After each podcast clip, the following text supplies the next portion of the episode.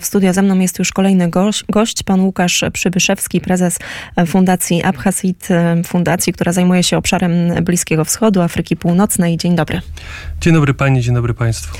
Bardzo dziękuję za przyjęcie zaproszenia mm, do Radia Wnet i przechodzimy już e, do naszych e, tematów. Protesty w Iranie, które trwają już od połowy września. Mm, niestety mm, wszystko wskazuje na to, że nie jest to sytuacja, która szybko się zakończy. Proszę powiedzieć, jak moglibyśmy w skrócie, bo tak naprawdę mamy tutaj 10-12 minut na rozmowę, w skrócie opowiedzieć, jak wygląda sytuacja. Znaczy w skrócie, odkąd doszło do prawdopodobnie morderstwa Mahsa Amini, e, mamy falę na, tych protestów. Na początku one były częstsze, teraz e, w zasadzie one mają takie szczyty na poziomie około 3,5, może 4 tysięcy osób, z tych osób, znaczy osób, które widać na nagraniach, tak? Tam różnie badacze próbują mierzyć, ile osób bierze udział w tych protestach. Mm, także liczebnie te protesty nie są duże.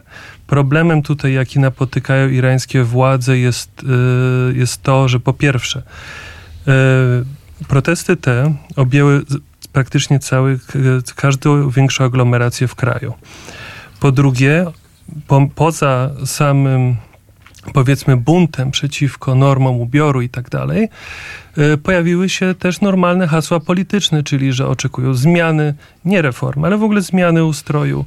E, także powtarzają się te, takie hasła właśnie, że śmierć dyktatorowi i tak dalej.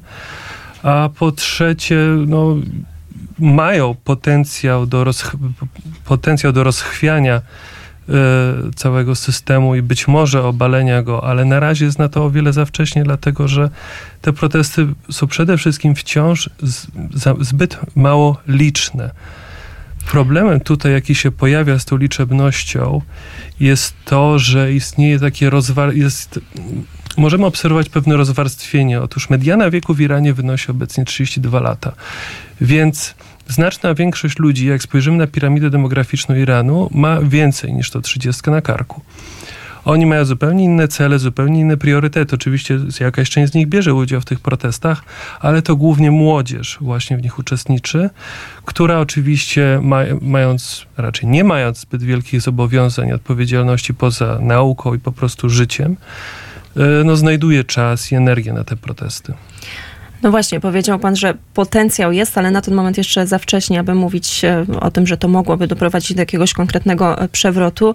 Mm, ja wyczytałam dziś, że pracownicy zakładów petrochemicznych, a także rafinerii ropy naftowej w tym zachodnim e, Iranie właśnie przyłączyli się do tych ogólnokrajowych już protestach, bo mówił pan o, o wszystkich większych aglomeracjach. No i pytanie, bo 40 lat temu podczas irańskiej rewolucji też było tak, że właśnie takie połączenie tych masowych protestów i właśnie strajków robotników między między innymi robotników naftowych, no spowodowały, że mm, tak naprawdę pomogli wynieść to islamskie duchowieństwo mm, do władzy. Tak, to dla władz Iranu był bardzo alarmujący sygnał, ale e, biorąc pod uwagę na to, to, co my widzimy e, w mediach, jakie widzimy nagrania, zdjęcia i tak dalej, nam jest w ogóle bardzo ciężko, bez odwiedzenia oczywiście Iranu w trakcie zamieszek, stwierdzić, co się tak naprawdę dzieje, na jaką skalę i czy przede wszystkim rzeczywiście te protesty w Osulie i Buszekrze, w tych rafineriach, zakładach, E, się łączą z tymi, z tymi protestami. One mają potencjał ku temu, żeby mogły się połączyć oczywiście, ale one wcale na chwilę obecną no, nie wiemy tak naprawdę, czy te, czy, te, czy te hasła i żądania, które ci robotnicy e, skandują, rzeczywiście mają jakiś związek ze śmiercią Mahsamini. To spójrzmy, spójrzmy w takim razie jeszcze na wydarzenia za naszą wschodnią granicę, ale też na to spojrzenie mm, irańskie. Mm, mamy tak naprawdę z jednej strony zapewnienie cały czas, zapewnienia Iranu, że Teheran nie wysyłał, nie będzie wysyłał żadnej broni e, Rosji, a, mm, ale jak moglibyśmy trochę szerzej e, spróbować opisać, jakie jest stanowisko władz Iranu właśnie wobec tego konfliktu? Znaczy stanowisko władz Iranu zarówno na poziomie oficjalnym, jak i takim powiedzmy półoficjalnym, takiej szarej strefie, w której bardzo się dużo wypowiada, wypowiada profesor Marandi, e, który jest już od wielu dekad doradcą najwyższego kręgu władzy w Iranie ze względu na, na te, także jego ojca, który miał tam wykształcenie medyczne i też wpłynął na zdrowie niektórych przywódców. E, Iran stawia się po stronie Rosji tak naprawdę.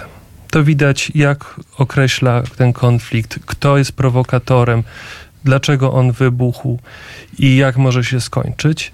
Oczywiście cały czas twierdzi, że żadnej broni nie wysyła, że, te, że ta amunicja krążąca, bo tym tak naprawdę są te drony Shohet 136, tak? E, to nie jest ich, to jest, to jest rosyjska produkcja.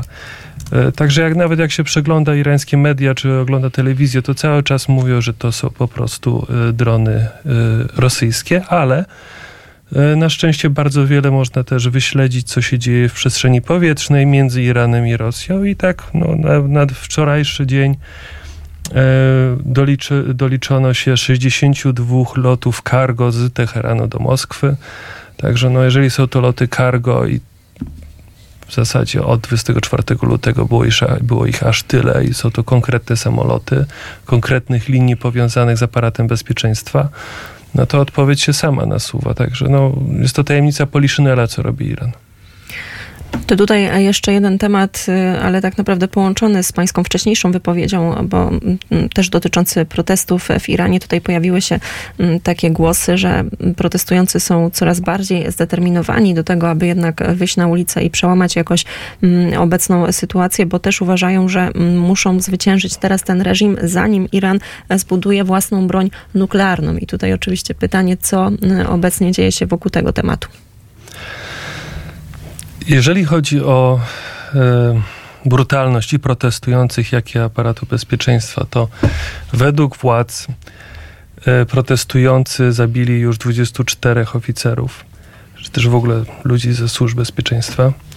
Przepraszam.